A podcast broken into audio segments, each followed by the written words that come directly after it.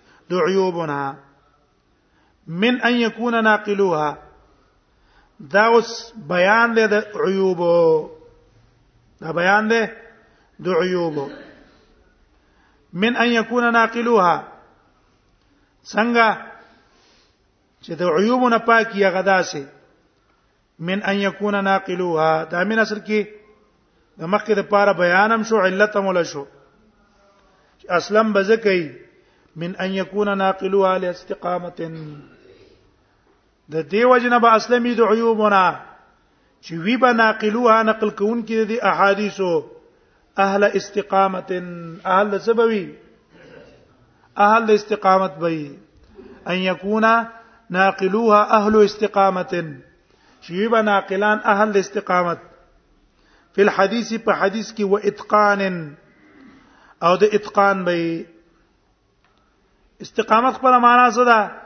د عدل معنا عادلان به عادلان او اتقان ضبط توي ضبط چې قوت حافظه به سوي دا به قوي قوت حافظه والا به لم يوجد واتقان او خاوندان به د اتقان لما نقلو د پاره د هغه حدیث چې دی را نقل کړي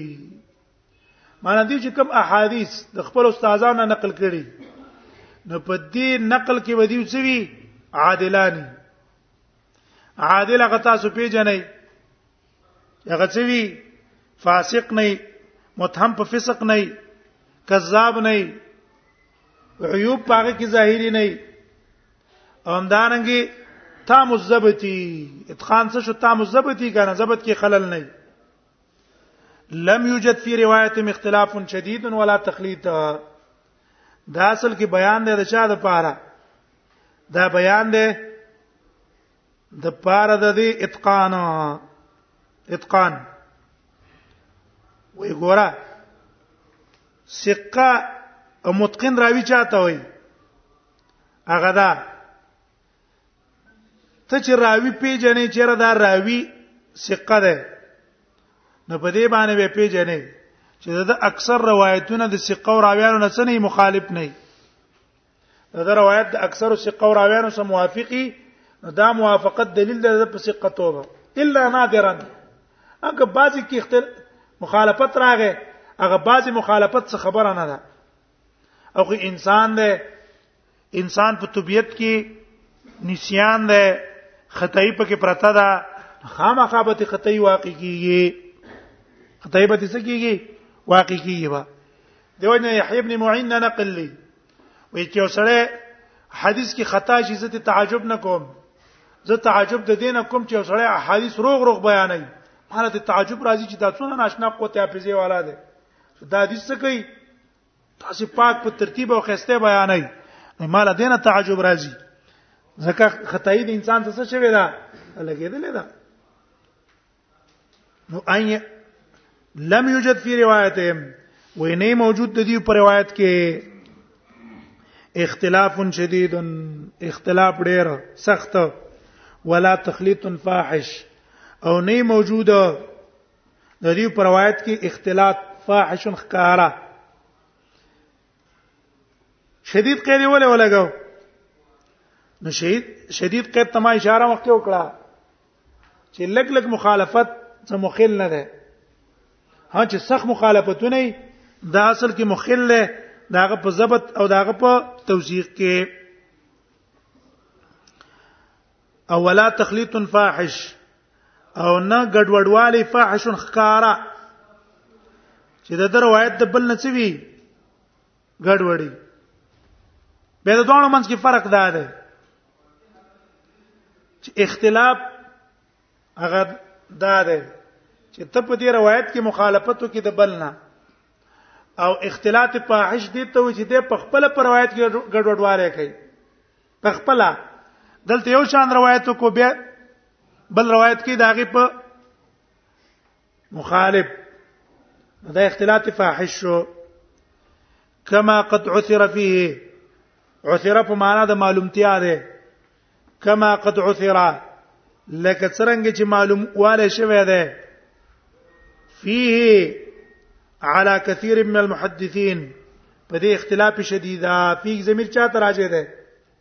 اختلاف شدیدا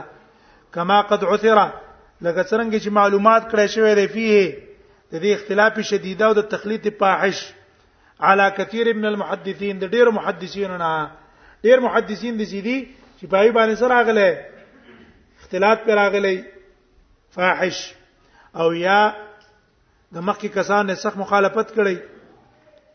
وبان ذلک فی حدیثهم او ښکار شوی دا د هغه په حدیث کې هغه په حدیثو کې ښکار شوی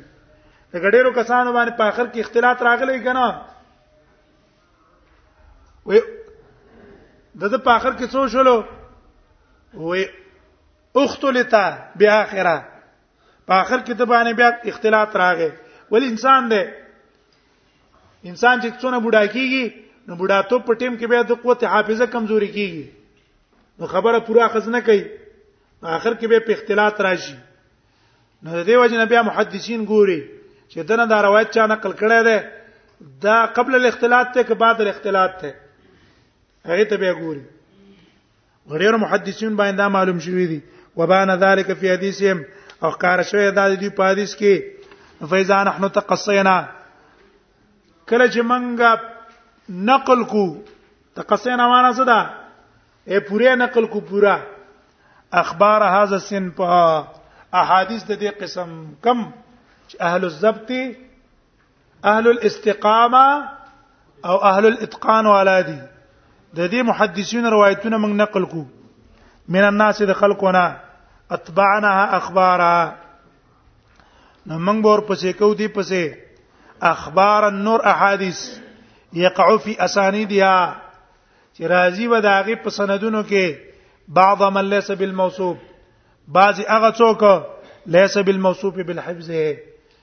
چې هغه متصف نه دي په حفظ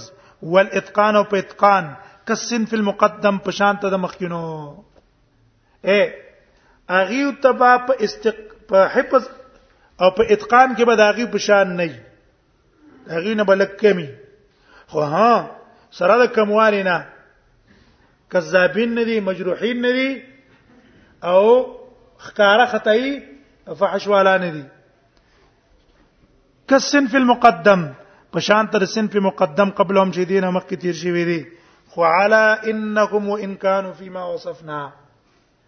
وعلى انهم سره دین چې دا کسان وان كانوا فيما وصفنا اگر کدی پاکه چې موږ بیان کړی دي دونهم د مخکینو کسان نخکته دي معنا دا اورانو په شان ضبط کې او په اتقان کې نه دي خو فإن اسم الستر والصدق خودونه دا چې نوم د ستر سمانا هغه دا چې چا په جرح نه دا کړي ستر څه ته وایي پردا چا په دې باندې تنقید نه دا کړي چا په جرح نه دا کړي او صدق دا نه پرده د صدق معنا ټول کسان دي تصدوق وای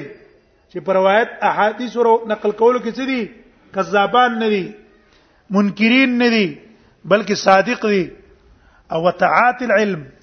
او دارنګ په زده کولو د علم د استادانو نه اې دا کسان په دې مشهور دي چې هغه د پلانکی شاګردانو او دا غینه احادیث زده کړي او د علما سره ناس پاستي په دې مشهور دي کوی شوی په وتعت العلم او په زده کولو د علم دی د خپل استادانو نه وتعاتيهم العلم عن مشايخهم دا معنا ده او په زده کولو دی د علم د خپل استادانو نه يشملهم دا پرده دي ته شامل ده ټیک شو مخکینی مشهور دی په علم دی مشهور دی په علم اغیم صادق دی دیم صادق دی اغی تم جرح په اغیم نشته په دیم جرح نشته خو صرف فرق دا دی چې هغه مشهور دی په کثیر الملازمه والضبط والاتقان او دیو د هغه پشان نه دی که عطا ابن الصائب شو پیښه به دي زی که عطا ابن الصائب لکه عطا ابن صاحب واخلا یزید ابن زیاد ابي زیاد واخلا ولیس ابن ابي سلیم او لیس ابن ابي سلیم واخلا واضرابهم یا د دې پر نور علما واخلا من حمال الاثار چې دا حاملان دي د احادیثو ونقال الاخبار او یا نقل کوونکي د احادیثو دي نو فهم نو دا محدثین وان كانوا بما وصفنا من العلم اگر کدی پاغه چې منګه بیان کړی د علم نه چې دا محدثین دي او احادیث د خپل استادانو نقل کړی دي دارنګ وسطر او پرده عند اهل العلم په نسبت علماء باندې معروفینا دی په مشهور دي مانه ټول علماء په دې څه نه راکړي دي ته ثقه ویلي او ټول علما په نسبانه مشهور دي دا علما چې دا شاګردان دي احادیث سره واسطه ده نقل احادیث کوي علما دي او صادقین دي خو فغيرهم من اقرانهم خو نور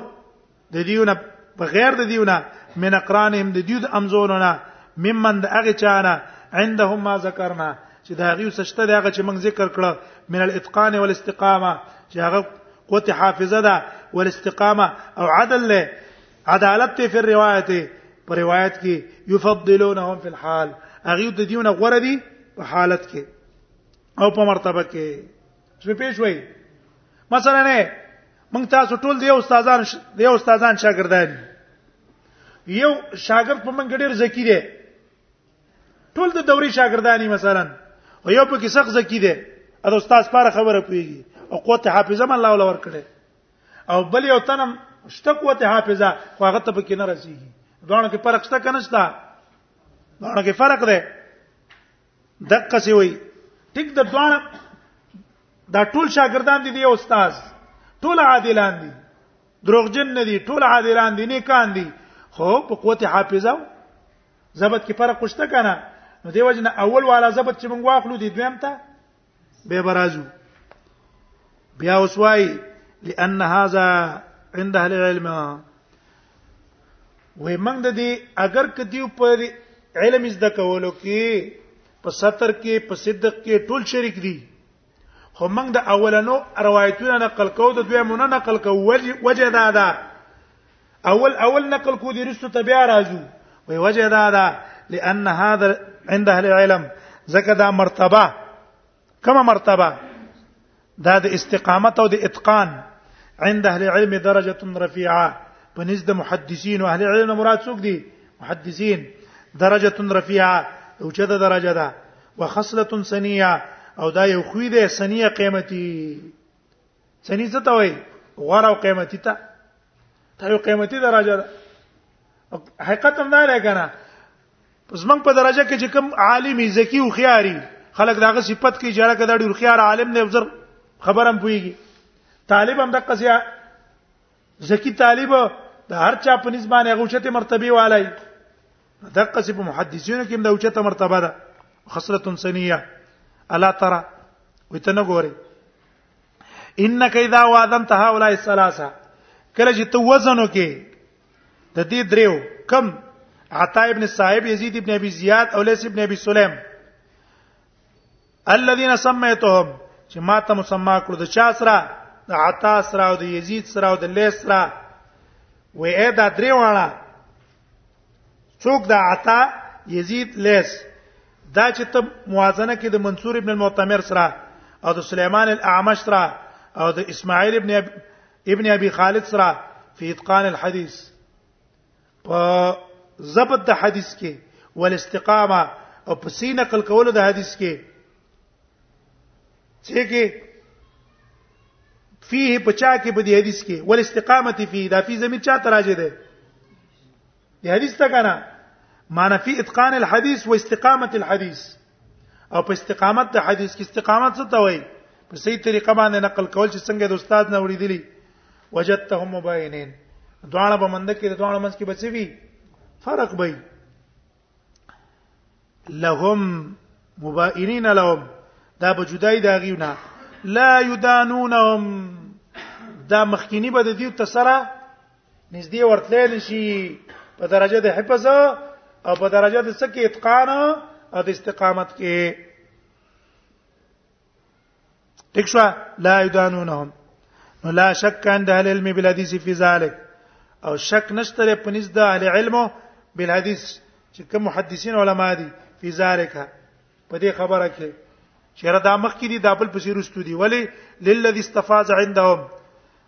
د وجه د شهرت نه للذي د وجه د هغه خبرې نه استفاده چې مشهوره شوې ده